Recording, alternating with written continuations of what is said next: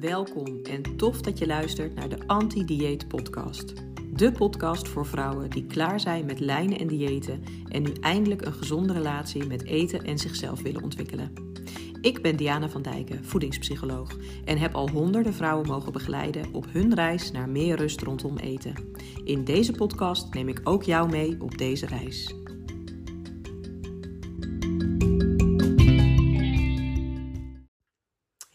Superleuk dat je weer luistert naar de Anti-Dieet Podcast. Deze week deel ik een aflevering met je van de Intuïtief Eten Podcast. Daar was ik vorig jaar november te gast om te praten over emotie eten, eetbuien en over intuïtief eten. Veel luisterplezier. Hey, uh, hebben, hebben we er zin in, uh, Diana? Absoluut, leuk, ja. Heb je al eens vaak ja. een podcast gedaan? Uh, ja, maar niet uh, eigen podcast. Dus ik ben inderdaad wel te gast geweest in uh, een aantal podcasts. Mm -hmm. um, of radio-uitzendingen waar een podcast van gemaakt is, bijvoorbeeld. Dus dan is het over het algemeen ook nog wel een soort van betere knip- en plakwerk. Want dan worden er natuurlijk liedjes tussen uitgeknipt. En sommige vragen van luisteraars worden wel gebruikt. Andere vragen van luisteraars soms ook niet. Um, dus dat is wel net even anders, zeg maar.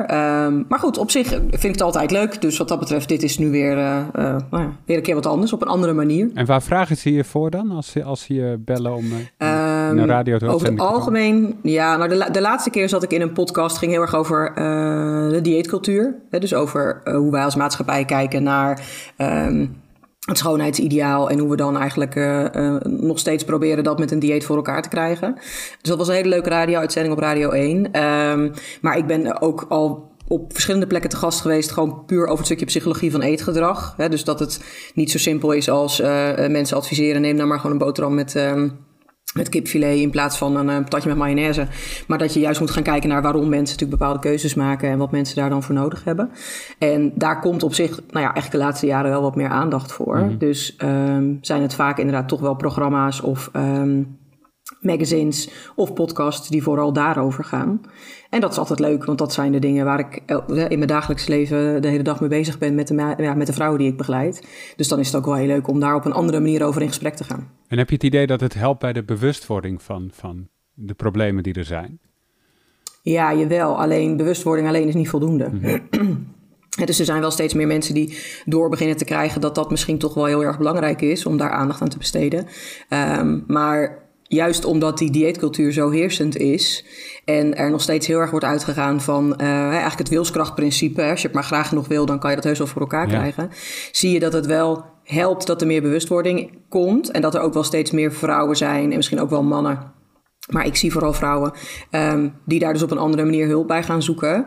Alleen um, dan hebben we het over individuen. Mm-hmm. En de maatschappij is natuurlijk veel groter dan dat. En dat wil nog wel eens een beetje een, uh, nou ja, een issue zijn. Omdat ze in de maatschappij natuurlijk toch nog steeds heel erg blijven uitgaan van het idee... als je nou maar gewoon minder gaat eten en wat meer gaat bewegen... dan is je probleem opgelost. Ja, en heb je het idee dat er genoeg aandacht voor is? Hoe, hoe complex dit probleem is en dat het niet alleen afhangt van wilskracht? Nou, dat betwijfel ik een beetje. Omdat je toch wel heel erg ziet dat de algemeen geldende opinie nog steeds is wilskracht, doorzettingsvermogen, discipline.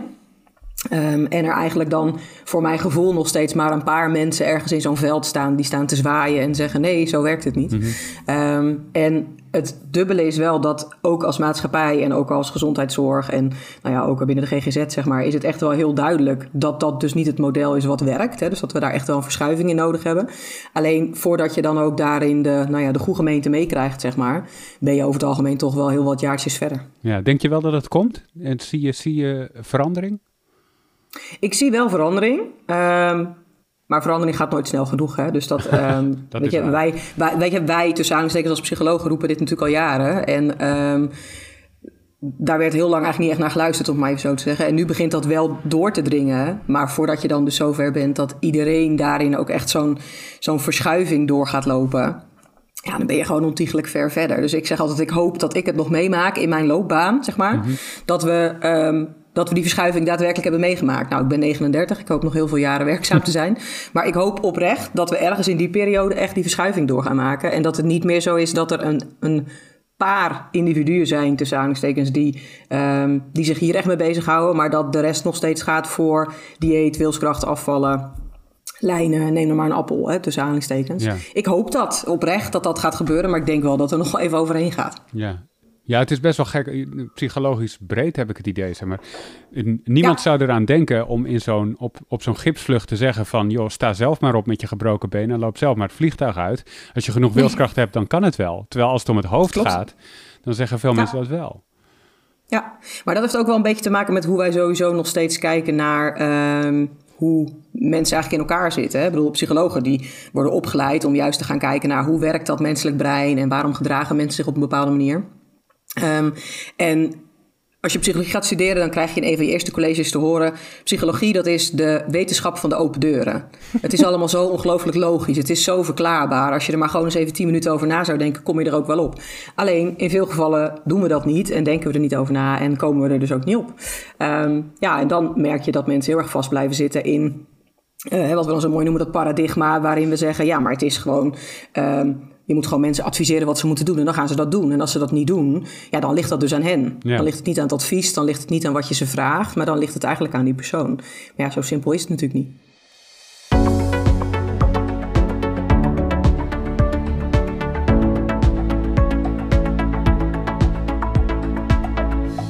Hey, welkom bij een nieuwe aflevering van Intuïtief Eten, de podcast. In, in deze anti-dieet podcast gaan we in op alles wat te maken heeft met gewichtsinclusiviteit, anti-dieet benaderingen zoals intuïtief eten en body positivity.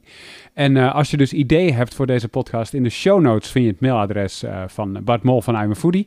Uh, als je wil dat onderwerpen aangedragen worden in deze podcast, dat we het daarover hebben, dan kun je dat, dan kun je dat mailen. Bart Mol van, van I'm a Foodie is er dus ook bij. Hoi Bart. Yes, present. En uh, vandaag gaan we het hebben over emotie eten. Dat is een belangrijk basisprincipe binnen intuïtief eten. En daarover gaan we praten met, en je hoort daar al, psycholoog Diana van Dijken. Uh, wellicht volg je Diana al op Insta onder de naam voedingspsycholoog. Hoeveel volgers heb je eigenlijk, Diana? Nou, dat geen idee. Ergens rond de duizend of zo. Nog niet. Uh, het, het, ik heb geen, uh, geen tienduizenden volgers of zo. En dat is ook niet noodzakelijk, moet ik heel eerlijk zeggen. Zo rond de duizend volgens mij. Nou, ja. Enig bereik, maar nog zeker niet heel Nederland. Nee, nee, nee, helaas niet. yes, en als het goed is na het luisteren van deze show, heb je de basics om emotie eten te herkennen en weet je ongeveer hoe je ermee om zou kunnen gaan. En uh, voor diëtisten, leefstijlcoaches en gewichtsconsulenten, let op, want we bespreken kort de masterclass Intuïtief eten voor professionals. Uh, daar komt Bart ook ongetwijfeld uh, op terug. Maar voordat we allemaal daarheen gaan, Diana, -hmm. even, een, even een stap terug. Want hoe ben je zo terechtgekomen bij deze thematiek, de, de relatie tussen psychologie en voeding? Um, nou, als we hem echt pakken op de relatie tussen psychologie en voeding, dan gaat dat inderdaad echt al best wel heel ver terug. Ik ben in, uh, ik even spieken, 2004 afgestudeerd mm. als psycholoog en um, heb toen eigenlijk al besloten voor mezelf, als er nou ooit nog eens een deeltijdopleiding uh, voeding en diëtetiek komt, dan zou ik die eigenlijk wel graag willen doen. Want um, al die vakken die wij nu hebben op het vlak van gezondheidsbevordering, bijvoorbeeld vanuit psychologie, en om mensen uh, eigenlijk richting een gezondere leefstijl te helpen, um, is heel mooi, hè, dat je daar als psycholoog heel veel van afmeet. Maar als je eigenlijk niks weet van voeding, dan is dat, um, mijns inziens, toch best wel een gebrek. Mm -hmm. um, dus toen besloot ik, oké, okay, als die opleiding ooit komt, ga ik dat doen. Nou, dat duurde best een paar jaar. Um, en in de tussentijd had ik ook al een kindje gekregen. En toen ben ik voeding en diëtetiek gaan studeren. Eigenlijk met als doel om juist die link te kunnen gaan leggen tussen de impact van voeding op je brein, maar ook andersom, de impact van jouw brein en de behoeftes die wij hebben als mensen op de keuzes die wij maken op het vlak van voeding. Dus dat is echt al wel een hele poos geleden. En um, daar heb ik nu sinds een jaar of zes, zeven dan ook echt mijn werk van gemaakt. Omdat er ook wel wat tijd overheen gaat om je daar enerzijds goed in te verdiepen. En voor mij uh, ook de, nou ja, de stap te zetten om dan een eigen praktijk op te zetten. Mm -hmm. Dat was ook best wel even een, een, een, sprong in het diepe, zeg maar. Dus dat heb ik uiteindelijk uh, nou, zes en half jaar geleden gedaan. Zijn er veel uh, psychologen die zich verdiepen in voeding en daar hun specialisme van maken? Er zijn er wel meer. Toen ik begon, zeven jaar terug, of zeg maar zes en half jaar terug, uh, waren er, uh, ik geloof, uh, vier of vijf mensen die zich voedingspsycholoog noemden. Hè. Voedingspsycholoog is geen officiële titel. Mm -hmm. um, maar het geeft wel heel duidelijk de link aan tussen het feit dat je dus psycholoog bent, maar je ook um, wel echt uitgebreid verdiept hebt in voeding. En juist ook met die band aan de slag wil, hè, die relatie die daartussen bestaat. Inmiddels zijn er wat meer. Ik heb ook in de tussentijd best wel wat psychologie-studenten hier over de vloer gehad. die het een interessant onderwerp vonden. En ook aangaven: goh, eigenlijk zou ik me daar wel verder in willen verdiepen. Maar bestaan daar dan ook opleidingen voor? Nou ja, er is dus geen standaardopleiding die je kan doen. Dus dan is het toch een combinatie van wat dingen bij elkaar zoeken waarvan jij denkt dat dat interessant kan zijn. Dus het zijn er inmiddels wel wat meer. En ook in de psychologieopleidingen wordt er nu in ieder geval iets meer aandacht besteed aan het feit dat als je bijvoorbeeld mensen gaat werken die echt een klassieke eetstoornis hebben, dat alleen kennis van psychologie misschien niet voldoende is, maar dat het toch op zijn minst nuttig kan zijn je ook te verdiepen in een stukje voeding. Ja, en um, intuïtief eten, is dat iets wat je, wat je al een tijdje op het spoor bent? Of heb je daar pas onlangs van gehoord? Hoe, is, uh, hoe, hoe, ben je dat, uh, hoe ben je op dat spoor gekomen? Nou, dat is aan de ene kant al wel een poosje geleden. Alleen ik zat daar dus eens even over na te denken. En toen dacht ik, ja, eigenlijk was mijn eerste ervaring met intuïtief eten uh, niet per se heel positief. Dat was een, een artikel wat ik ergens las in een tijdschrift. Waarin um, eigenlijk heel erg ingegaan werd op, joh, het maakt helemaal niet uit wat je eet. En uh, al die keuzes die je daarin kunt maken zijn eigenlijk helemaal niet interessant. Als je maar gewoon goed luistert naar dat honger- en verzadigingsgevoel. Nou, weet je, dan, dan lossen alle problemen zich vanzelf wel op. En achteraf gezien was dat gewoon een enorm kort door de bocht artikel. Nogal. Um, maar dat had ik op dat moment niet zo door. Ik las dat ergens en toen dacht ik, oh god, daar heb je dat weer, hè, intuïtief eten. Um, maar goed, in de loop der tijd kwam die term natuurlijk wel vaker op mijn uh, uh, nou ja, social media kanalen bijvoorbeeld al voorbij. Of mensen vroegen me ernaar. En toen dacht ik, nou, laat ik me er dan op zijn minst uh, eens even voor openstellen om er wat meer in te verdiepen. En um, toen heb ik eigenlijk gewoon het, nou ja, het, het originele boek tussen aanhalingstekens gekocht, hè, waar nu de, uh, de Nederlandse vertaling van is. En um, eigenlijk trok ik toen de conclusie, toen ik dat boek uit had, hey, dit is heel anders dan het beeld wat ik had bij intuïtief eten. Ook ingegeven door die artikelen, uh, door dat artikel wat ik gelezen had. Maar ook door wat ik um, nog wel veel voorbij zag komen, bijvoorbeeld bij andere coaches, waarin toch heel erg de link gelegd werd tussen intuïtief eten en afvallen. Mm-hmm. En dat is expliciet niet waar intuïtief eten zich mee bezighoudt, maar het is soms wel hoe het um, nou ja, een soort van verkocht wordt, zeg maar. Dus ik was eigenlijk heel erg verbaasd toen ik het boek las, uh, een goed jaar geleden, dat eigenlijk de principes die daarin terugkomen, Um, eigenlijk allemaal op de een of andere manier al wel terugkwamen in de uh, begeleiding die ik geef aan de vrouwen die ik hier in mijn praktijk ontvang. Dus dat was aan de ene kant een hele leuke verrassing. Aan de andere kant was het ook een moment dat ik dacht: oh, dan had ik me daar dus ook al veel eerder in kunnen gaan verdiepen, omdat het eigenlijk veel interessanter was dan ik toen aan de hand van dat eerste artikeltje uh, had gedacht. Dus dat is, ik denk, een goed jaar geleden dat ik het Engelse boek heb gelezen. Mm-hmm. En um, van daaruit ben ik gewoon meer gaan lezen en ben ik meer mensen gaan volgen die daar echt mee bezig zijn. En ben ik ook wat explicieter die basisprincipes die uh, natuurlijk centraal staan bij intuïtief eten, um, net wat verder gaan uitwerken in die begeleiding die ik al gaf. Want in feite kwamen alle principes al wel terug, maar dan niet, onder die, eh, niet precies onder die term bijvoorbeeld, of net iets anders ingekleed. Dus daar ben ik gewoon lekker mee aan de slag gegaan. En uh, baseer je dan um, vanuit jouw rol met name op de principes van intuïtief eten, of trek je het ook breder met alle andere literatuur die je daar dus ja, uh, afgelopen mm-hmm. periode over hebt gelezen? Ja, ik trek het breder. Dus dat betekent dat al die principes komen terug in mijn begeleiding. Maar ik heb zelf in de afgelopen periode een methodiek geschreven of een methodiek ontwikkeld. Um, die echt heel erg gebaseerd is op de psychologie van eetgedrag. En daarin komen eigenlijk verschillende dingen bij elkaar. En um, Daarin was het altijd al zo dat uh, er kennis van uh, psychologie, gedachten, emoties gelinkt werd eigenlijk ook aan hè, wat, wat basisinformatie over voeding. Maar de nadruk lag ook wel heel erg vooral op het uh, op een effectieve manier leren omgaan met je emoties en je gedachten. Ik ben naast psycholoog ook acceptatie- en commitment therapeut. ACT heet dat dan. En dat is eigenlijk een derde generatie gedragstherapeuten opleiding, zeg maar. En daarin ligt heel erg de nadruk op het... Um, leren zien dat er natuurlijk bepaalde dingen zijn waar je invloed op hebt en dingen waar je geen invloed op hebt. En dat als het over je gedachten gaat, dat je weliswaar niet zoveel impact hebt op de gedachten die opkomen, maar wel op hoe je daarmee om wil gaan. En dat stond eigenlijk in de afgelopen periode heel erg centraal, ook in de psychologie van eetgedrag gecombineerd eigenlijk al wel met ook de emoties en het leren luisteren naar je lichaam. Nou ja, nu is het gewoon nog wat explicieter dat die thema's uh, vanuit intuïtief eten daarin naar boven komen. Omdat het eigenlijk allemaal al dingen waren waar ik inderdaad op de een of andere manier al wel aandacht aan besteedde, maar misschien niet onder die termen. Ja, maar en als ik het even heb over de term, hè, dat ja. um, is bijvoorbeeld de term gewicht, uh, inclusiviteit, maar ook body positivity. Zijn dat zeg maar, zeg maar variabelen die horen onder de paraplu intuïtief eten? Of staan ze er eigenlijk dan links en rechts van? Dat het allemaal bij elkaar hoort? Ja, het, het hoort toch ook wel heel erg bij elkaar. Want als je met het intuïtief eten aan de slag gaat, dan is natuurlijk een van de dingen die heel erg uh, centraal staat. Dus niet voor niks het eerste basisprincipe, is uh, ja, eigenlijk ditch die dieetcultuur. Hè? Zet die dieetbril af. En op het moment dat mensen um, op een positievere manier of soms gewoon een neutralere manier naar zichzelf leren kijken. En dus echt met dat zelfbeeld aan de slag gaan.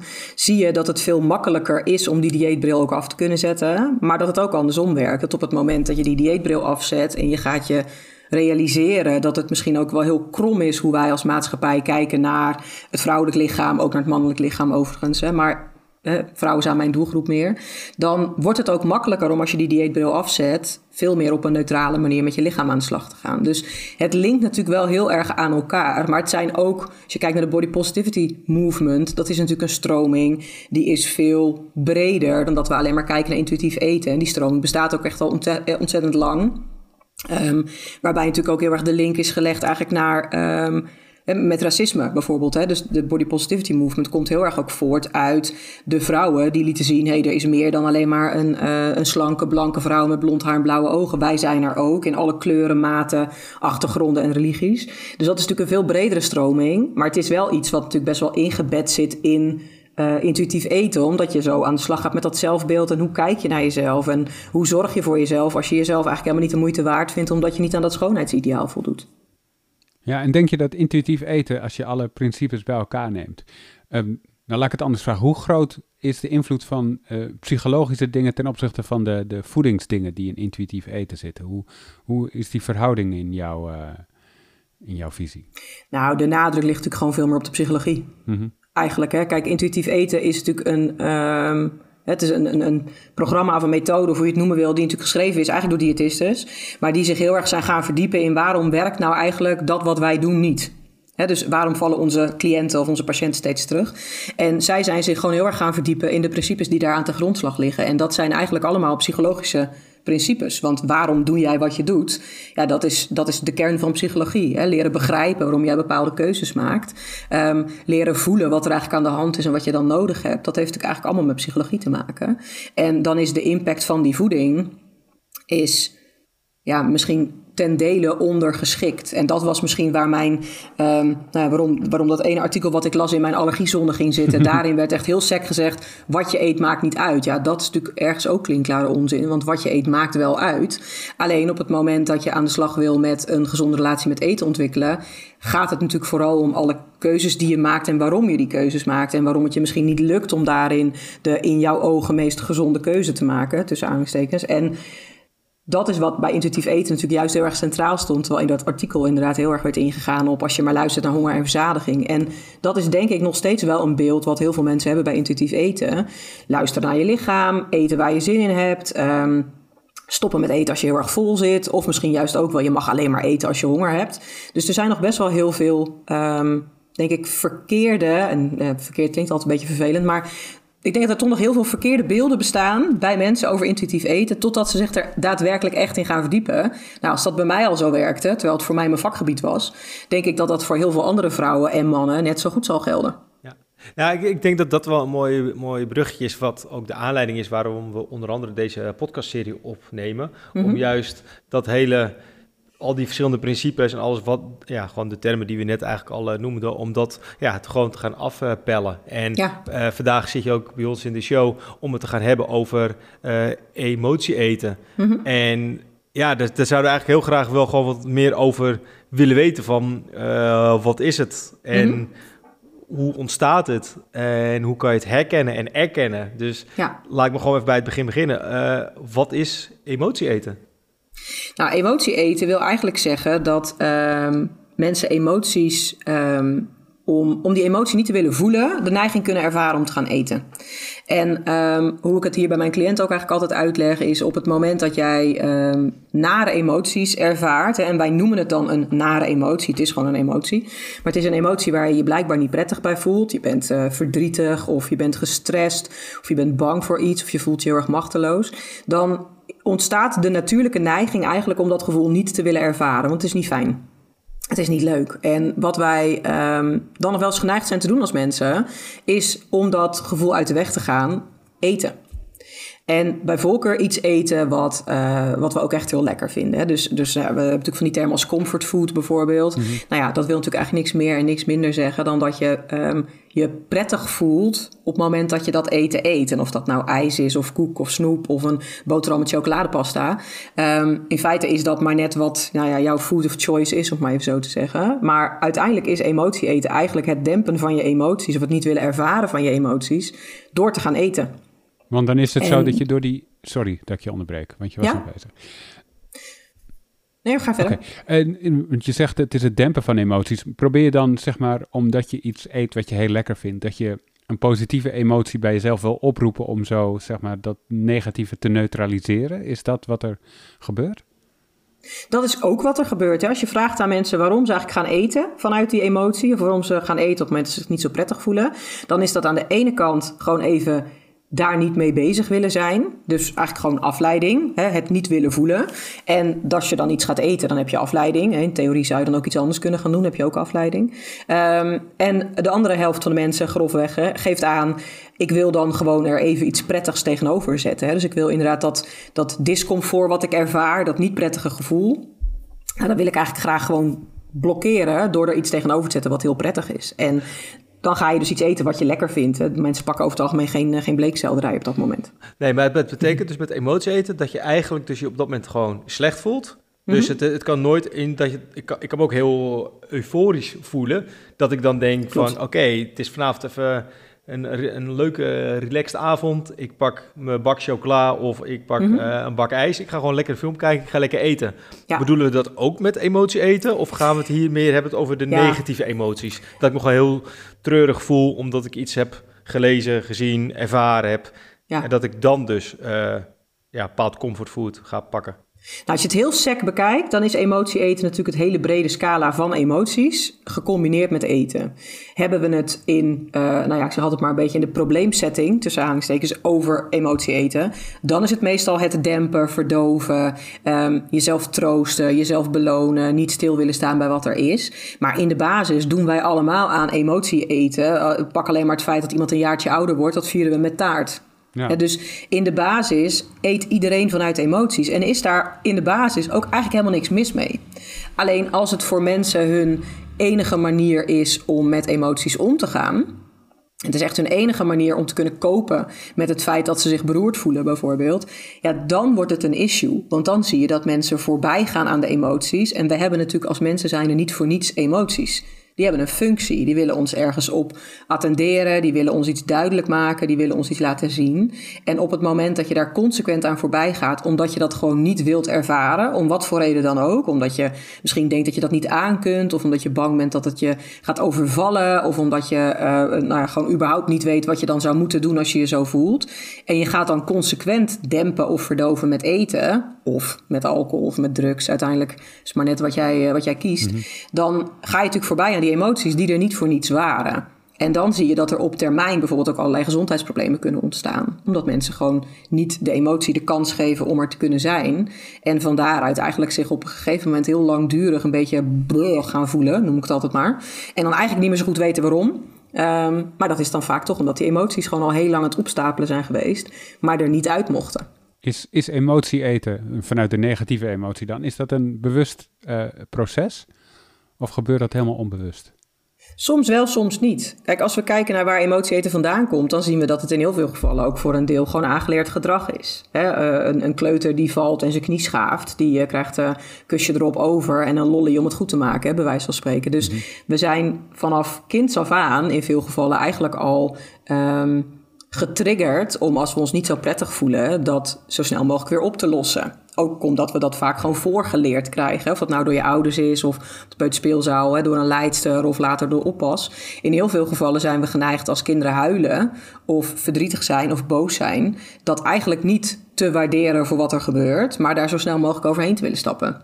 Ik heb zelf ook kinderen, ik herken het bij mezelf ook. Alleen, ik ben er heel alert op. Mm-hmm. Maar ook ik kan als mijn zoon van zeven loopt te zeuren over iets waarvan ik vind dat het niks voorstelt, de neiging hebben om te zeggen: Nou, schat, valt allemaal wel mee, hè? Kop op. Ik geef hem dan misschien dat snoepje niet, hè? want dat heb ik mezelf in de loop der jaren heus wel afgeleerd. Maar wel dat ik er makkelijk overheen kan stappen, bijvoorbeeld. Dus als jij als kind zijnde vaak um, het gevoel hebt gehad dat jouw emoties eigenlijk gebagatelliseerd werden. Ach, kop op, zo erg is het allemaal niet, komt wel goed. En het werd toevallig ook nog gelinkt aan eten kom, we gaan even samen lekker kopje thee drinken met een stukje taart. Of, dan zie je dat er een hele directe link ontstaat tussen als ik me niet prettig voel en ik eet wat, voel ik me heel, stil, heel, heel snel weer veel beter. En eigenlijk is dat heel fijn. Ja, kun je dat... Want je niet fijn voelen is ook niet fijn. Dat is ook zo. Kun je, kun je het ook herkennen bij jezelf? Is het makkelijk... Je ziet heel veel uh, mensen met deze, met die, die emotie eten, kan ik me zo voorstellen. Zien mensen het van mm -hmm. zichzelf heel snel? Um, Soms wel, soms niet. Je hebt mensen die van zichzelf het idee hebben: ik ben echt een enorme emotionele eter. En dan gaan we onderzoeken wat er eigenlijk gebeurt. En dan blijken die emoties eigenlijk helemaal niet de, de, de belangrijkste oorzaak te zijn, bijvoorbeeld. Um, maar ook andersom, hè. mensen zeggen: nee, maar ik ben echt geen emotieeter. Maar op het moment dat je dan gaat doorvragen en je gaat ze bepaalde situaties in kaart laten brengen, blijkt dat dat toch wel heel erg um, doorslaggevend is. Maar dat komt ook omdat als we kijken naar emotie eten, dan hebben we daar vaak ook een bepaald beeld bij. Hè? Je hebt een rotdag, je pakt een bak Ben Jerry's.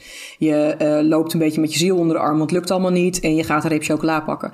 Maar in heel veel gevallen is het niet één op één, hè, zo, zo kant en klaar, zoals we dat vaak op televisie bijvoorbeeld zien. Maar ook dat als jij gewoon langere tijd eigenlijk voorbij gaat aan die emoties, dat op een gegeven moment die spreekwoordelijke druppel uh, de emmer doet overlopen. En dat dat misschien maakt dat jij keuzes gaat maken waar je eigenlijk niet achter staat. Of dat je een soort van onbestemd gevoel hebt, wat je niet zozeer um, voor jezelf misschien bestempeld als een emotie, maar je, ja, je zit gewoon niet zo lekker in je vel. En van daaruit ga je misschien toch net wat meer snoepen dan dat je eigenlijk zou willen. Mhm. Het is niet altijd zo simpel als ik heb een rotdag, dus ik pak die reep chocola, of ik had ruzie, dus ik trek een zak chips open. Um, dat is echt het hele directe. En die mensen hebben vaak van zichzelf dus ook wel door dat ze vanuit die emotie geneigd zijn te gaan eten. Maar is het veel meer een beetje dat onbestemde gevoel. Je loopt je gewoon een beetje te vervelen. Je bent een beetje onrustig. Dan zie je dat mensen veel minder het gevoel hebben dat dat emotie eten is. En dat ze het soms ook eigenlijk helemaal niet zo goed doorhebben van zichzelf. Ja, en wat is eigenlijk het verschil tussen eetbuien en emotie eten? Zit daar verschil tussen überhaupt? Nou, je kunt uit heel veel verschillende overwegingen een eetbui krijgen. Dus dat betekent dat als je gaat onderzoeken waarom jij um, meer eet dan je eigenlijk zou willen, of over eetgedrag vertoont, of hoe je het ook wil noemen. Hè. Eetbuien is soms ook wel een heel groot woord, terwijl mensen zeggen: ja, ik snoep gewoon misschien veel meer dan ik wil. Um, dan zie je dat als je gaat onderzoeken waarom mensen dat doen, dat er eigenlijk vier factoren zijn die daarin meespelen. En de eerste factor die daarin vaak heel belangrijk is, is gewoon het fysieke stukje. Op het moment dat jij jezelf uh, keer op keer allerlei eten ontzegt, of je bent op dieet, of je bent aan het lijnen, of um, je eet in de basis gewoon te weinig, omdat je denkt dat dat misschien al wel genoeg zou moeten zijn. En je hebt daardoor aan de lopende band eigenlijk gewoon honger.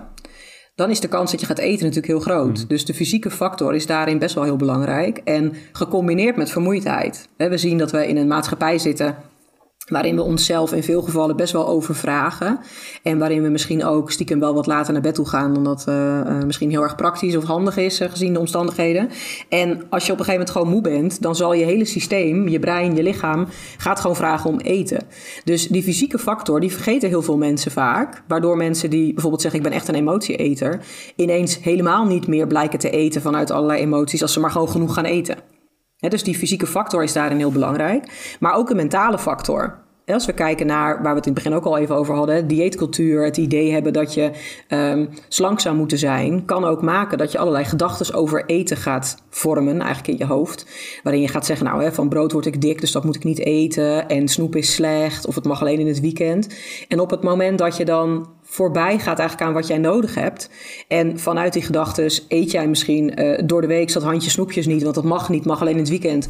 En in het weekend neem je wel dat handje snoepjes. Maar ja, dat was ook eigenlijk alles wat je mocht. Maar ja, nu is het toch eigenlijk al een beetje verpest, want je hebt er twee te veel op. Dan kan dat ook hè, escaleren tot een eetbuit. Dat is veel meer vanuit het is nu toch al mislukt. Ik heb het ook niet goed gedaan. Laat ook maar. Ik leer het nooit. Maar ook de gedachten als ik heb geen wilskracht, geen discipline, geen doorzettingsvermogen. Dus die mentale factor is ook echt heel belangrijk. Um, nou, ik zeg altijd tegen mijn cliënten, dan kijken we naar de emoties. Dus als je die gedachten al een beetje hebt leren analyseren en fysiek gaat het eigenlijk allemaal al best wel oké. Laten we dan eens gaan kijken of het niet stiekem toch bepaalde emoties zijn die maken dat je gaat eten. En vanuit emotie um, kun je net even wat meer snoepen dan je wil. Of je kunt misschien een keer in een kort tijdsbestek uh, een, een, zak chips en een eh, pak koekjes leeg eten, bij wijze van spreken. Maar dat hoeft natuurlijk ook weer niet altijd de nou ja, klassieke eetbuien te zijn. Hè? Het kan ook gewoon net wat meer snoepen en snaaien zijn, omdat je je gewoon niet zo lekker voelt. En bij vrouwen pak ik ook altijd hormonen mee. Kijk, jullie uh, hebben daar geen last van. Jullie hebben niet zo'n uh, mooie cyclus die maakt dat je het ene moment echt super lekker in je lijf voelt. En het andere moment denkt, gadverdamme, ik word helemaal gek van mezelf. Maar dat hebben vrouwen natuurlijk wel. En wat we zien is dat ook die hormonen best wel een belangrijke rol kunnen spelen. Omdat je vanuit die hormonen fysiek meer een behoefte kunt hebben om te eten. Je hebt gewoon meer honger, je hebt eigenlijk meer energie nodig. Um, vanuit die hormonen kan je wat nou ja, meer richting een depressief denkenpatroon gaan. Hè. Zie je wel, het wordt hem toch allemaal niet, laat ook allemaal maar. Ehm, en je emoties spelen over het algemeen op. Dus dat betekent dat eigenlijk als je met eetbuien aan de slag gaat of met overeetgedrag aan de slag gaat, dat je alle vier die factoren wel moet onderzoeken. Maar dat we heel vaak zien dat de meest bekende het emotie eten is. Ik zal wel een emotionele eter zijn. Dat zal het probleem wel zijn. Maar heel vaak is het stiekem ook een van die anderen die daarin wel een rol speelt. Ja. En vat ik het dan even heel simpel samen dat uh, een eetbui kan zeg maar een stand-alone zijn mhm. en gewoon niet gerelateerd zijn niet, maar het kan ook wel vaker gecorreleerd zijn aan emotie eten. Ja. Dat het dus een, een uitingsvorm is wat hoort bij emotie eten. Ja, het kan inderdaad een gevolg zijn van eigenlijk vanuit die emoties toch die neiging krijgen dat niet, niet te willen ervaren, niet te willen voelen en dan gaan eten. En dat het dan escaleert in een eetbui. Nee, precies. Nou, ik voel aan dat we daar misschien al een aparte show voor moeten opnemen. op het gebied van... Eetbuien, uh, ja. Van, ja, van eetbuien, want dan parkeren we dat voor nu eventjes. Want anders wordt het... Uh, thans, je vertelt al zoveel heel veel interessante dingen... dat ik uh, het zelf eigenlijk ook aan het processen ben. Precies, ja. aan het praten ben. Dat ik er dan ook dacht van... met emotie eten van... Je hebt het misschien al een beetje genoemd hoor. Maar mm -hmm. ik ben eigenlijk altijd best wel van in mijn hoofd van lijstjes. Dat ik denk van... Welke punten kan ik dan denken van... Oké, ik ben misschien wel iemand die aan emotie eten doet. Zijn er, mhm. is er zeg maar een top 5 van dingen waar ik mezelf kan herkennen en dat ik bijvoorbeeld 3 uit 5 score, dat ik denk van, hmm, oké, dat wist ik eigenlijk helemaal niet. Ik, uh, ik kan er misschien iets aan gaan doen. Um, ja, of je er echt een top 5 van kan maken, weet ik niet. Maar er zijn natuurlijk wel een aantal dingen die je bij jezelf eigenlijk kunt gaan toetsen. En um, dat begint eigenlijk dan wel met de allerbelangrijkste eerste vraag: heb ik niet gewoon honger? dus op het moment dat je die weg kan strepen, um, zeg ik altijd: nou, dan weet je in ieder geval dat het niet honger was die maakt dat je nu gaat eten. en ga dan toch eens bij jezelf onderzoeken: goh, weet je, hoe voel ik me op dit moment eigenlijk? En is er misschien iets wat kan verklaren waarom ik nu toch niet zo lekker in mijn vel zit, dat ik daarom misschien nu toch die zak M&M's uit de kast wil trekken? Of is er misschien iets gebeurd vandaag, hè, een bepaalde... Um, een bepaalde aanvaring of een telefoontje waar je mee zit, of iets waar je tegenaan zit te hikken wat je moet gaan doen. Dus uiteindelijk is het goed om vast te stellen wat voor gevoel ervaar je eigenlijk op het moment dat jij gewoon super lekker in je vel zit en um, dat is echt niet de reden waarom jij in die kast staat te snuffelen, nou dan zullen die emoties niet zo'n belangrijke rol spelen. Voel je je toch gestrest, een beetje opgefokt, zit je niet zo lekker in je vel, dan zou dat best wel een doorslaggevende factor kunnen zijn, hè, dat dat maakt dat je dat wil gaan doen. Um, maar ook inderdaad toch een beetje voor jezelf schetsen, goh, wat is er eigenlijk gebeurd vandaag? Zijn er dingen waar ik tegenaan zit te hikken die morgen misschien moeten plaatsvinden? Want ook dat, een beetje dat onbestemde gevoel, wil best wel aanleiding zijn om te gaan eten. Dus als je dat bij jezelf herkent, is de kans best groot dat jij in ieder geval geneigd bent te gaan eten vanuit emoties. Of je het dan ook als copingstrategie gebruikt, hè, is dat het enige wat jij doet? Ja, dat zou je eigenlijk moeten vaststellen door echt eens terug te kijken.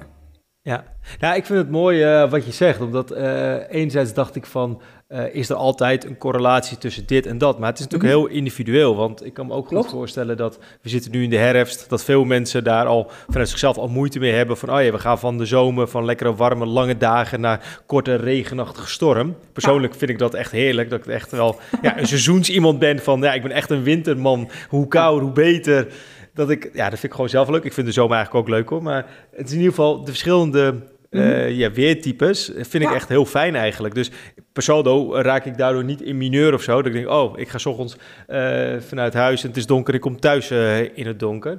Ehm, nou, in ieder geval, dat ik wel denk van voor mezelf vind ik, ja, is dat geen trigger. Maar ik kan me eigenlijk wel voorstellen dat misschien sommige mensen daardoor al wel wat meer te neergeslagen zijn of zich somberder voelen. En dat, dus dat dat juist een trigger is van, oh ja, daar moeten de mensen misschien, of moeten, dat is misschien een aanleiding voor mensen om ja, voor zichzelf te gaan kijken, kan ik daar aan werken als dat eh, de wens is? Nou, en vooral ook om te onderzoeken of het voor jou inderdaad een issue is. Hè? Want als we kijken naar dat eten vanuit emoties, als jij gewoon eens een keer jezelf beloont en troost met... Uh, met wat lekkers. En uh, weet je, je voelt je daar verder ook prima bij. Nou ja, weet je, is er ook niet zoveel aan de hand. Alleen doe je dat inderdaad consequent. En ga je daardoor consequent voorbij aan het feit dat je misschien wel hartstikke down bent. Terwijl wat je misschien nodig hebt, zijn wat mensen om je heen. Of eens even in gesprek gaan met iemand. Omdat je echt gewoon heel, uh, heel erg op een slippery slope naar beneden zit. Ja, dan is natuurlijk emotie eten of eten überhaupt niet de oplossing. Dan heb je veel meer nodig dan dat. Alleen wat denk ik heel belangrijk is voor mensen om zich te realiseren, is dat iedereen van nature geneigd is om, als hij zich niet prettig voelt, op zoek te gaan naar een manier om je prettiger te voelen. Dat is gewoon onze natuurlijke drijfveer tot comfort, tot genot. Dus dat betekent dat als dat zo is, dat er op zich niks mis is met jou. Hè? Dan ben je gewoon een heel normaal functionerend mens. Alleen is, is eten voor jou echt de manier geworden om welke emotie dan ook um, zo snel mogelijk maar naast je neer te kunnen leggen dan heb je misschien wel een probleem tussen aanhalingstekens in zoverre dat het in ieder geval interessant kan zijn om eens te onderzoeken wat het je eigenlijk oplevert. Ja, en je noemde net al uh, dat we leven in een hele drukke uh, maatschappij met heel veel mhm. verschillende, verschillende rollen, presteren op werk, in privé situatie, uh, sociaal leven.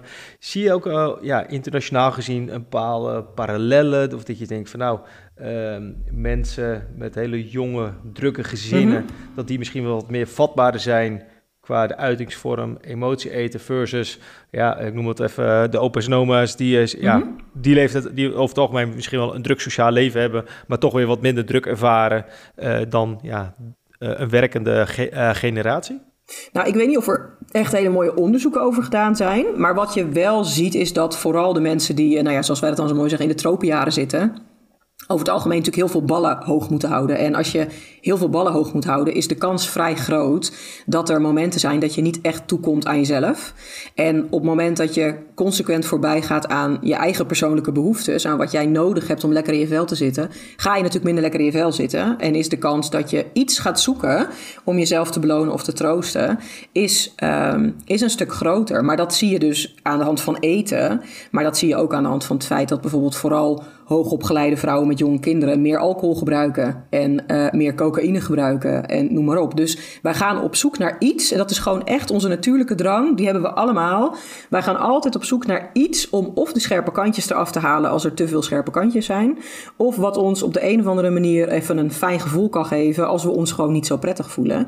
En dat is op zich heel normaal. Alleen inderdaad, de excessen, hè, doe je dat heel vaak, ja, dan wil dat nog wel eens wat problemen opleveren. Omdat je dan misschien of echt veel te veel, hè, tussen aanhalingstekens, snoept of eet en je daar eigenlijk ook niet prettig over voelt. Maar vooral ook omdat je natuurlijk voorbij gaat aan het feit dat die emoties er dus niet voor niets waren. En ze jou toch ergens op willen attenderen. En als dat iets is waar je wat mee kan, hè, door praktisch bepaalde dingen gewoon anders in te richten of andere keuzes te maken, dan verandert er tenminste iets. Ja, en dat eten, dat dempt het alleen even. En dan word je misschien heel blij van die zak M&M's. Maar daarna is het probleem, tussen aanhalingstekens, is er nog steeds. Mhm. hè? Want je hebt niks gedaan aan waarom die emotie er was. Dus als je emotie eten wil stoppen, dan moet je, zeg je eigenlijk, de, de, de basis aanpakken. De oorzaak waarom je emotie gaat eten en niet, uh, en niet het emotie eten zelf de, de schuld geven, zeg maar. Nee, want wat mensen heel vaak geneigd zijn te doen, is om, um, als ze dan merken, oké, maar ik ben geneigd om dan dus te gaan eten, om dan op zoek te gaan naar iets anders om te doen. En dat is ook eigenlijk wel vaak de eerste klassieke tip die mensen krijgen bij emotie eten. Ga maar iets anders doen. Hè? Ga maar afleiding zoeken. Alleen wat we zien is dat Tuurlijk, onder bepaalde omstandigheden kan het soms heel fijn zijn om even afleiding te zoeken. als je kijkt naar de principes van het intuïtief eten, staat die er ook wel bij. En dan staat er ook wel bij, dit is misschien niet de tip die je van ons zou verwachten, maar soms onder bepaalde omstandigheden zijn de emoties misschien zo heftig en weet je gewoon zo niet wat je anders met jezelf aan moet, dat eten misschien ook wel tijdelijk even als afleiding kan dienen. Maar ga dan daarna wel aan de slag met die emoties. dus dat is dan al wel de vervolgstap. Um, en als je inderdaad kijkt naar van emotie eten af kunnen komen, dan valt en staat dat gewoon oprecht met die emotie die er is, de aandacht geven die die verdient. Dus stel jij bent ontzettend gestrest omdat, er, um, omdat je zit te wachten op een, een, een uitslag, hè, bijvoorbeeld een medische uitslag, dan weet je gewoon dat je je daar een paar dagen ongelooflijk druk over kunt gaan maken en ook mag maken. Dat er geen duidelijkheid gaat komen. Maar die duidelijkheid komt ook niet als je die bak Ben Jerry's leeglepelt. En die duidelijkheid komt ook niet als je een zak chips leeg eet. Dus dat betekent dat je dan moet dealen met het feit dat er onduidelijkheid is, dat er stress is, dat je je zorgen maakt. Maar die emotie is er ook niet voor niets. Die is er puur ook om jou te laten zien dat dat oké is. dat je je daar zorgen over mag maken, dat je daar aandacht aan mag besteden, dat je misschien ook wel een beetje lief voor jezelf mag zijn. Alleen hoe ga je dat dan doen? En dat is wat voor heel veel vrouwen en ook mannen iets is wat we niet aangeleerd krijgen op school. Nee. We leren op school niet omgaan met onze emoties. Sterker nog, over het algemeen wordt er helemaal geen aandacht besteed aan wat een emotie überhaupt is. Laat staan dat we leren hoe je daarmee om zou kunnen gaan. Maar als je dat gaat leren, en dat kost tijd, daar ben ik heel eerlijk in, want alles wat je moet leren kost tijd. Maar als je leert omgaan met het feit dat er onzekerheid is, of je leert omgaan met het feit dat je je gestrest voelt, dan kan je van daaruit ook gaan onderzoeken wat je nou eigenlijk echt nodig hebt op dat moment. En dat is eigenlijk nooit eten. Jammer genoeg hoor, want ik zou het echt een perfecte oplossing vinden. Als dat gewoon het, zeg maar, als dat het ideaal zou zijn. Maar het is niet zo. En hoe, hoe vertaalt zich dat eigenlijk? Stel voor dat je het hebt uh, herkend Mhm. en je gaat ermee aan de slag. Kan het zo zijn dat je bijvoorbeeld het gaat inwisselen dat je gewoon dan gaat sporten? Dus als je denkt, oh ja, ik ga nu ehm, ja, emotie eten. Dat je, Mhm. dat je, en, dat je, en dat je dan denkt, nou, ik ga nu maar even hard eh, lopen bijvoorbeeld. Nou, dat is wel wat je vaak ziet gebeuren. Hè? Dat mensen dan in plaats van dat eten, dus op zoek gaan naar een alternatief. En dat alternatief kan dan zijn, dan ga ik gezondheidsgedrag vertonen, zoals we dat dan zo mooi zeggen. Dus dan ga ik wandelen, of ik ga hardlopen, of ik ga ehm, eh, bellen met een vriendin, of eh, nou ja, allerlei andere oplossingen. Alleen op het moment dat je dat toepast, puur en alleen om niet stil te hoeven staan bij wat er is, ja, dan maakt het eigenlijk niet zo heel veel uit of je nou gaat hardlopen of je eet een reep chocola op. Behalve dan dat je met het een calorieën binnenkrijgt en met het andere calorieën verbrandt. maar je lost niks op, zeg maar, aan het probleem. Ga je hardlopen omdat je bij jezelf merkt: hé, hey, ik voel hier nu een bepaalde stress in mijn lijf. En voor mij is een manier om te kunnen dealen met stress om die stress er juist te kunnen laten zijn, is echt even super hard hardlopen met knallende housemuziek op mijn oren, ik noem maar wat. Dan doe je het om te dealen met de emotie. En wat ik hier met mijn cliënt ook altijd probeer ehm, te benaderen, zeg maar, is die manier gaan vinden die voor jou werkt. Waarin je het dus niet doet om niet stil te hoeven staan bij die emotie. Maar waarin je het juist doet om die emotie wel aandacht te geven. Maar ook lief te zijn voor jezelf. En jezelf daarin te kunnen troosten, te kunnen koesteren. Nou ja, voor jezelf klaar te kunnen staan. En dat is in heel veel gevallen best wel een fine line. Dus iemand die gaat hardlopen om het er inderdaad juist te laten zijn. En om gewoon echt even lekker boos te kunnen worden tijdens dat rennen. Die gaat eigenlijk op een hele gezonde manier om met zijn of haar emoties. Iemand die dat hardlopen puur doet om er overheen te kunnen stappen en om er maar niet meer over na te denken. Ja, die had misschien net zo goed een reep chocolade binnen kunnen schuiven. En wat is de gemiddelde doorlooptijd? Kan je er iets, iets over zeggen uit je ervaring en uit de praktijk? Als iemand die bij, bij jou binnenkomt Mhm. in, de in de praktijk, waarbij je hiermee aan de slag gaat, heb je na eh, drie maanden, heb je dan al ja, een verbetering of na twee weken? Of zijn mensen negen, of ben je als persoon negen Mhm. maanden bezig? Nou, dat is ontzettend verschillend, omdat het er heel erg van afhangt hoe goed iemand bij zijn of haar emoties kan komen. Dus op het moment dat jij al vrij snel bij jezelf opmerkt: hé, hey, wacht eens even, ik word nu getriggerd door het feit dat het niet zo lekker in mijn vel zit, of ik word nu ehm, getriggerd door de stress die ik ervaar omdat ik morgen een of andere presentatie moet houden. En je merkt dat al vrij snel bij jezelf op, kun je ook heel snel gaan oefenen. Maar er zijn ook mensen die gewoon oprecht ontzettend veel moeite hebben met bij die emoties komen. Omdat daar gewoon jarenlang overheen gewalst is. Dan wel door ouders of dan wel door een partner, dan wel door hunzelf. Ja, en dan duurt het gewoon veel langer voordat je bij die emoties kan komen. Dus wat ik hier altijd probeer te doen is mensen de handvaten geven zodat ze daar vervolgens zelf mee verder kunnen. Dus dat betekent dat ze echt niet het hele emotie eten opgelost hoeven te hebben, tussen aanhalingstekens. Um, maar dat ze wel de handvaten hebben om daarmee aan de slag te kunnen gaan. En dan merk je dat de, de, meeste vrouwen lopen ongeveer drie tot zes maanden bij mij in de praktijk. Dat eigenlijk in dat half jaar um, het, het, het gros van de vrouwen, zeg maar, dat emotie eten echt wel onder controle heeft gekregen tussen aanhalingstekens. Of beter gezegd, op een betere manier heeft leren omgaan met de emoties. Waardoor dat eten eigenlijk helemaal geen issue meer is. Maar het kost wel tijd, omdat je ziet dat omdat we het niet van kinds af aan aangeleerd hebben gekregen. Hè, onze emoties überhaupt onder woorden brengen of daarmee aan de slag gaan. Dat het gewoon tijd kost voordat mensen dat een beetje in de vingers krijgen. Hey, en er is nog een ander uh, uh, subthema, zeg maar, waar ik, die ik even zou willen aanstippen. Mm -hmm. bedoel, je noemt het al uh, iets van wat bij elk mens zo is. Dat, dat mm -hmm. we de neiging hebben om ons beter te voelen en dat dat mede kan door eten. Dat weten natuurlijk de makers van alle chocola en snoep en chips en zo. Die weten het ook mm -hmm. allemaal. Sportmerken weten het ook. Ja. Zie, je, zie je een soort van tendens in de manier waarop ze daarmee omgaan? Hoe ze ons proberen te beïnvloeden? Of, of laat ze dit helemaal achterwege en zijn ze eigenlijk heel netjes bezig? Nou, dat doen ze echt al heel, heel lang. Ik ben toevallig nu weer begonnen bij seizoen 1 van Friends. Nou, dan hebben we het over een serie die is denk ik al tien jaar geleden van de buis afgehaald. of 15 jaar geleden. En draaide daarvoor al tien jaar. Dus dan gaan we echt way back, om even zo te zeggen. En dan zie je al dat als um, Rachel en Ross ruzie hebben gehad... dat ze met z'n allen een bak Ben Jerry zitten leeg te lepelen. Dus dat is iets van alle tijden. Omdat we als we kijken naar de psychologie van eetgedrag en ook gewoon puur de psychologie van eten, maar dus ook marketingpsychologie. Ja, psychologen bestaan natuurlijk ook al heel lang. Mhm. Dus psychologen weten al heel lang dat als je daarop inspeelt, dat mensen toch het idee krijgen: oh, maar als ik me dan rot voel, en ik koop die specifieke bak Ben Jerry's cookie dough, dan ga ik me beter voelen. En het is natuurlijk ook zo. Je gaat je tijdelijk, als je dat lekker vindt dan tenminste, hm. ook daadwerkelijk beter voelen. Dus dat doen ze al, nou ja, zolang als ik me kan herinneren, zeg maar, spelen ze daar ontzettend op in. En ik denk ook dat ze dat nou ja, altijd zullen blijven doen. Want het is ook de manier om hè, jouw product zo neer te zetten dat het dus ook echt comfortfood is. Hè. Mensen gaan zich er fijn van voelen. Ja, en dat is toch ijs en koek en chocola en pizza en ook al die dingen waarvan mensen misschien denken: eigenlijk is het ook niet goed voor me, hè, tussen aanhalingstekens. Ik zou het misschien ook eigenlijk niet moeten eten. Dus het heeft ook een beetje zo'n guilty pleasure idee, hè, wat ik op zich al een verschrikkelijke term vind. Want waarom zou je überhaupt ooit schuldig moeten voelen over eten. Maar stel dat zit nog heel erg in je systeem, dan zijn het ook vaak die producten die je kiest als je je heel rot voelt, want je voelt je toch al rot. Dus dan maakt het ook niet meer zo heel veel uit dat je je nog rotter gaat voelen als je iets eet waar je, je eigenlijk niet oké bij voelt. Maar ja, weet je, tv-reclames, uh, eh, noem maar op, die spelen er al 20, 30 jaar op in. En ik denk dat ze dat de komende 20, 30 jaar ook nog gewoon lekker blijven doen.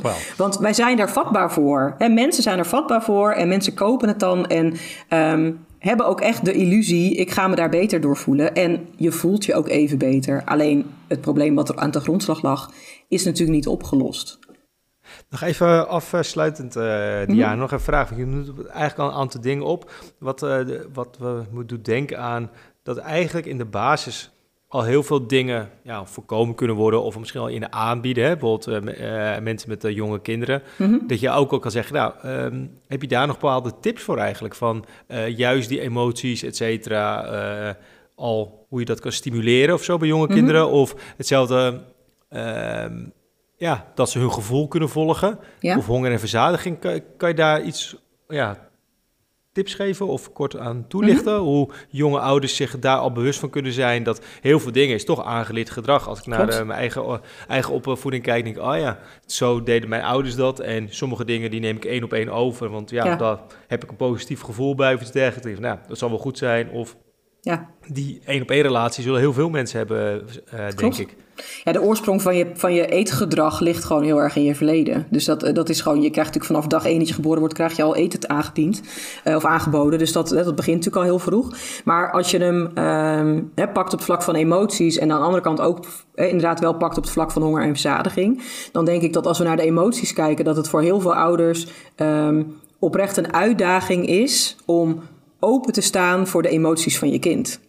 Want kinderen voelen nog heel veel en voelen dat ook dus nog heel intuïtief aan. Dus dat betekent dat als een kind in de klas een bepaalde spanning heeft gevoeld, dat het best zo kan zijn dat hij thuis komt en zegt ik ben gepest. Maar check je dat dan bij de juf dat er eigenlijk helemaal geen pestgedrag heeft, voor, heeft plaatsgevonden, maar dat je kind zich wel een soort van, nou ja, unheimlich voelt. Hè. Die voelt zich gewoon echt niet prettig. En als jij er dan als ouder overheen walst door te zeggen, nou, zo erg zal het allemaal wel niet zijn, bagatelliseer je dus eigenlijk het gevoel wat een kind heeft. En als ouders zijn we heel vaak geneigd dat te doen, omdat kinderen ook heel vaak, ik heb er zelf drie, op de meest onmogelijke momenten hun emoties uiten. Dus het komt niet altijd op het juiste moment, om maar even zo te zeggen. En dan hebben we als ouders heel snel de neiging om te denken: Nou, uh, zo erg is het allemaal niet. Het valt allemaal wel mee. Stel je niet zo aan. Niet piepen. Hè? Allemaal dingen die we misschien vroeger zelf ook van onze ouders wel gehoord hebben. Um, en als je dat keer op keer doet bij kinderen, dan leren ze dus oprecht aan: Mijn emoties zijn blijkbaar niet belangrijk. Of mijn emotie klopt niet. Of zoals ik me voel, zou ik me niet mogen voelen of kunnen voelen. En dat wil je natuurlijk een kind absoluut niet meegeven. Je wil een kind juist leren dat wat jij voelt, dat is er en dat is oké. Het gedrag wat je eraan koppelt, is dat misschien niet. Kijk, een klein kind dat heel boos is, kan gaan schoppen en slaan. Nou, dat is dan misschien niet per se acceptabel gedrag, maar die boosheid mag er wel zijn. Maar vanaf welke leeftijd praten we dan? Want, uh... Eigenlijk vanaf het moment dat ze zelf een beetje gaan praten. Dus, ja, want even, even, gewoon even, even een voorbeeld wat ik zelf al mhm. ervaar. Want mijn oudste, die gaat sinds een paar weken naar school. Mm Nou, elke keer kan ik vragen aan hem van, hoe was het, wat heb je gedaan? Eindig zegt hij altijd, ja, weet ik niet, of niks. Of uh, dat soort dingen. Dus dan probeer ik het wel.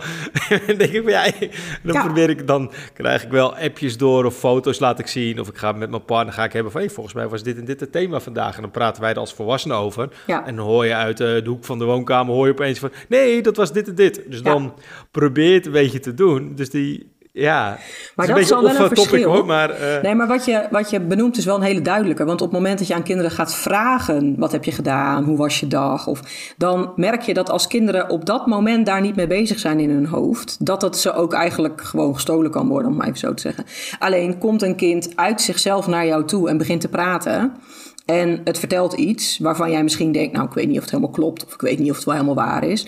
En je spreekt het ook op die manier uit, dan zie je dat kinderen dus heel erg de neiging krijgen om allerlei dingen dan maar weer voor zich te houden. Dus als je open wil staan voor de emoties en voor eigenlijk wat jouw kind meemaakt, dan zul je daarin dus ook altijd met een hele open blik daarnaar moeten kijken. Maar vooral ze laten weten, wat jij voelt is oké. En wat jij nu aangeeft is oké. En eigenlijk is dat ook een van de dingen waar we overheen stappen als je het hebt over honger en verzadiging bij kleine kinderen. Jonge kinderen weten nog precies hoeveel ze moeten eten. Die stoppen met eten als ze geen zin meer hebben en zitten ze in een groeispurt, dan eten ze ineens als bouwvakkers. Alleen wat wij als ouders geneigd zijn te doen, is een soort van meetlat pakken en denken: dit is een normale portie voor een kind. Dus jij kan nu nog niet vol zitten. Maar ja, als een kind zegt ik zit vol, zit het waarschijnlijk vol. En tuurlijk, ik heb hier ook heel veel ouders met kinderen begeleid zitten kinderen minder snel vol als het hun favoriete portie is, hè, hun favoriete kostje is, dan wanneer ze spruitjes uh, voorgeschoteld krijgen. Maar zo werken wij zelf ook. Als het iets is wat we heel lekker vinden, zullen we ook eerder over ons hongersignaal heen eten of over ons verzadigingssignaal heen eten, dan wanneer we iets eten wat we eigenlijk niet zo lekker vinden. Dus ook dat is heel normaal en heel menselijk gedrag. Maar als je als ouder zijnde gaat zeggen, jij kan nu nog niet vol zitten, of jij kunt nu nog geen honger hebben, bagatelliseer je eigenlijk weer dat gevoel wat er is. Want als een kind honger heeft, dan heeft het naar alle waarschijnlijkheid ook honger. Kijk, zegt een kind: Ik heb honger, mag ik een snoepje? Dan kun je als ouder prima zeggen: Als je honger hebt, dan gaan we lekker een boterham pakken. Dan mag je daarna uiteraard een snoepje, want daar is niks mis mee. Maar dat gaat niet helpen tegen de honger. Maar als je het veel opener benadert, dan zie je dat kinderen daarin veel meer leren zelf over hun eigen honger en verzadiging, over hun eigen gevoelens, maar ook over hun gedachten. Maar dat leren we ze vaak gewoon niet omdat we misschien ook allemaal druk bezet zijn, allebei werken en al die ballen proberen hoog te houden. En die kinderen soms, en dat bedoel ik helemaal niet verkeerd, maar soms misschien ook gewoon net een beetje lastig zijn op het verkeerde moment. En het dan voor jezelf als ouder makkelijker is om er even overheen te stappen. Dat is misschien niet hetgene wat je kind nodig heeft.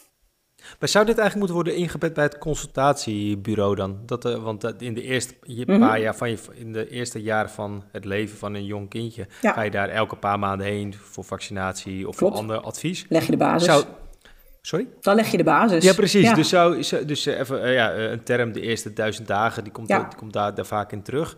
Zou het, zou het bij hun beleg moeten worden, dat daar veel meer de aandacht op focussen? Want zoals ik je een beetje beluister, is dat toch heel vaak de basis. Dat er daar misschien soms al de kiem wordt gelegd voor een latere, voor een latere leeftijd. Een verstoorde relatie met voeding, je emotie, of in ieder geval emotie in relatie tot eten. Klopt, het begint heel vaak al heel jong. Alleen wat je ziet is dat bij een consultatiebureau natuurlijk vooral de nadruk ligt op... Um, ja, de nadruk ligt op opvoeding. Dus eigenlijk zou daar ook dat stukje in moeten zitten.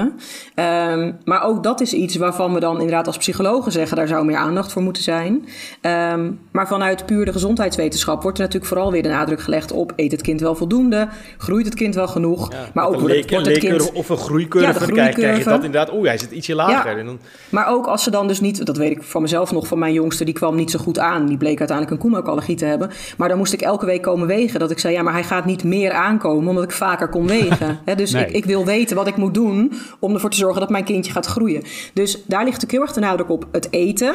Puur dat stukje op groeien, niet groeien, aankomen, niet aankomen. En uiteindelijk op de dingen als kunnen ze een cirkel natekenen en uh, kunnen ze een, een, een, stapeltje blokjes op elkaar ja, zetten. Ja, blokjes op elkaar. Weet je, dat zijn ook dingen waaraan je de ontwikkeling van een kind meet. Hè. Laten we dat vooropstellen. Alleen het is um, best wel een tricky onderwerp soms ook, merk ik ook in de moeders die ik begeleid, om aan te geven als jij wil dat jouw kind op een gezonde manier met emoties leert omgaan, zul jij dat eerst zelf ook moeten leren. En op het moment dat je kritiek hebt, maar even zo te zeggen, op de opvoeding van iemand, ligt dat natuurlijk altijd heel gevoelig. Want elke ouder probeert het oprecht met elke vezel van zijn of haar lichaam op de juiste manier te doen. Enkele uitzonderingen daar gelaten, zeg ik altijd. Maar het gros van de mensen wil het echt heel goed doen. Alleen als jij het zelf niet hebt geleerd, hoe moet je het je kind dan leren? Want heel vaak wordt het dan heel zwart-wit geschetst. Als ik dat voorbeeld geef van als een kind zegt: Ik heb genoeg gegeten, ik zit vol. En jij zegt: Je kan nog niet vol zitten. Dan ga je daarin eigenlijk over die grens van dat kind heen. Maar als jouw kind consequent te weinig eet in jouw ogen. en jij wil dat dat kind gaat groeien. want het consultatiebureau heeft gezegd: hij zit helemaal onderaan die groeicurve. dan is dat natuurlijk best wel een discutabel punt. Want waar ga je dan de grens trekken? Wat is dan nog oké? Wanneer ben je misschien te veel een, zoals we dat dan zeggen, laissez-faire ouder? Je leunt naar achteren en je ziet wel wat er gebeurt. Kinderen hebben natuurlijk ook begeleiding en hulp en ondersteuning nodig. Dus het is best wel een tricky onderwerp. Ja. Hey, ik heb het idee dat we hierover nog makkelijk 3,5 uur zouden kunnen doorpraten. Makkelijk. maar uh, laten we dat niet doen. Um, ik wil even naar Bart toe, want uh, uh, het Centrum voor Intuïtief Eten is er natuurlijk, heeft een hoop projecten. Um, wat voor dingen lopen er nu allemaal? Nou, um, met name waar, wat ik nog inderdaad wilde meegeven, en dat is met name voor de diëtisten, de leefstijlcoaches, uh, gewichtsconsulenten, uh, maar wellicht ook andere professionele beoefenaars die cliënten zien in relatie tot voeding, is dat we samen met Diana, maar ook met Femke en Marijke Berkenpas van het Centrum voor Intuïtief Eten, ontwikkelen we momenteel een ja, een webinarserie, eigenlijk een masterclass, driedelig, uh, intuïtief eten voor professionals. Uh, waar we ja, inzoomen op de theorie, maar ook de vertaalslag naar de praktijk. Uh, voor de professionals om zich meer te verdiepen in de principes van intuïtief eten. de webinarserie, die, de eerste sessie, die is 27 januari volgend jaar.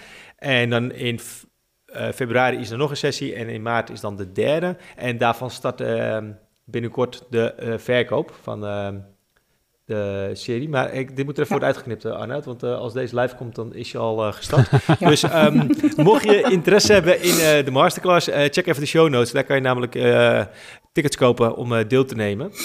Uh, wil jij er nog iets aan toevoegen, Diane? Want jij zit natuurlijk ook uh, ja, met ons aan het stuurwiel van deze masterclass. Dus uh, ja. wij, wij ervaren zelf namelijk dat we echt heel veel vragen krijgen vanuit ja, de beroepsgroep die ik net eigenlijk noemde van... Klopt. we willen hier, hiermee verder, omdat wij zelf natuurlijk ook voelen dat het is niet, niet zo simpel als mensen dik zijn... dat ze zeg maar opeens ja, het heel makkelijk is om af te vallen. Want veel vaak zit er ergens anders juist uh, een knop waar je aan moet uh, draaien. Klopt. Nou, wat ik denk, uh, wat denk ik heel leuk is van de, van de webinars die we gaan geven, is dat we dus inderdaad juist heel erg gaan laten zien, ook aan de professionals die in dit vakgebied werkzaam zijn, dat een deel van die dieetcultuur, van die dieetbril, misschien ook nog wel bij onszelf ligt hè, als professionals. In hoe wij dus ons opstellen richting mensen die om hulp vragen. En uh, hoe wij ons misschien soms ook opstellen naar mensen die eigenlijk helemaal niet expliciet zelf om hulp hebben gevraagd, maar misschien eigenlijk zijn doorverwezen hè, door een huisarts of uh, door een andere uh, specialist. En um, ik denk dat wat uiteindelijk gewoon heel tof gaat zijn, is dat als je daar als professional ook met een open blik ingaat, je dus ook gaat zien dat als jij daar op een hele andere manier mee aan de slag gaat, dat je de mensen juist kunt geven wat ze zoeken. In plaats van dat je ze het zoveelste lijstje mee naar huis geeft met dit kan je beter wel eten, dit kan je beter niet eten. Dat je juist met ze op zoek gaat naar, hé, hey, maar wat, waar gaat het eigenlijk mis hè, in die relatie met eten? En hoe kijken mensen eigenlijk naar zichzelf? En wat hebben ze nou eigenlijk echt nodig? Om een gezonde relatie met eten te ontwikkelen. En dat kan gewoon zo ontzettend mooi aan de hand van die basisprincipes van intuïtief eten. Dat het natuurlijk heel tof is als je daar als professional gewoon meer van af weet. En je echt aan de slag kan daarmee. En je daarmee juist ook die mensen kunt helpen die misschien zich in heel veel gevallen ook niet geholpen hebben gevoeld. die het al tien keer hebben gedaan, tien keer hebben geprobeerd, maar elke keer um, ja, eigenlijk teleurgesteld raken. Dat je juist die mensen eruit kunt gaan pikken en er voor die mensen kunt zijn. Want die mensen hebben al zo vaak hun neus gestoten. Die zijn op zoek naar een professional die niet gaat zeggen: als je nou maar gewoon wat beter je best had gedaan, was er ook geen probleem geweest. Mhm. Die zoeken een professional die zegt: Weet je, lag niet aan jou, lag aan het dieet. Maar we gaan wel kijken wat jij nodig hebt om een gezonde relatie met eten te ontwikkelen. Ja, ik heb er heel veel zin in uh, om, om er mee aan de slag te gaan. In ieder geval op dat vlak, zeg maar. Um, dus ja, uh, wij kunnen niet wachten totdat het uh, januari, februari is, zeg maar. En we echt nou ja, de, de diepte in kunnen gaan met alle professionals. Ja. Ja, en nog even aan, aanvullend. Dit, is dan zeg maar de, dit zijn de fundamentals, ja. Uh, masterclass. En ja, we zijn uiteraard al achter scherm ook al bezig om ja, een versie 2 of nu dat gewoon een verdiepende sessies aan, uh, aan eh, te bieden. Dus wat dat betreft is het ook gewoon dat het ontwikkelen ja, uh, voor de professionals op basis van hun input. Ja. Dus dat is, nou meer komt er binnenkort over. Ja, er komt nog meer. ja. Yes. Nou, vind je dit nou een leuke, leuke podcast, dan kun je sterretjes geven als je een Apple podcast luistert. Ook een review achterlaten. Hopelijk helpt dat ook meer mensen om deze podcast te vinden en te luisteren. Zou mooi zijn. Zouden we heel leuk vinden. Diana, dankjewel voor je aanwezigheid vandaag. Graag gedaan. En Bart, jou ook bedankt. Yes. Jij bedankt voor het luisteren en tot de volgende keer.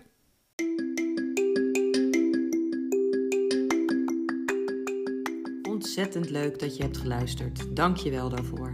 Ik hoop dat je ook de volgende keer weer aanhaakt. Je bent in ieder geval van harte welkom. Vond je dit nou een toffe aflevering? Abonneer je dan op de Anti-Dieet Podcast. Laat sterren achter, schrijf een leuke review of deel deze podcast met andere vrouwen. Dat waardeer ik echt enorm. Wil je me wat vragen of ben je op zoek naar meer informatie? Check dan vooral eens mijn website en mijn socials. Daar vind je ook hele toffe gratis downloads en introductielessen. In de show notes vind je uiteraard alle details. Dit was de Anti-Dieet Podcast. Tot de volgende keer.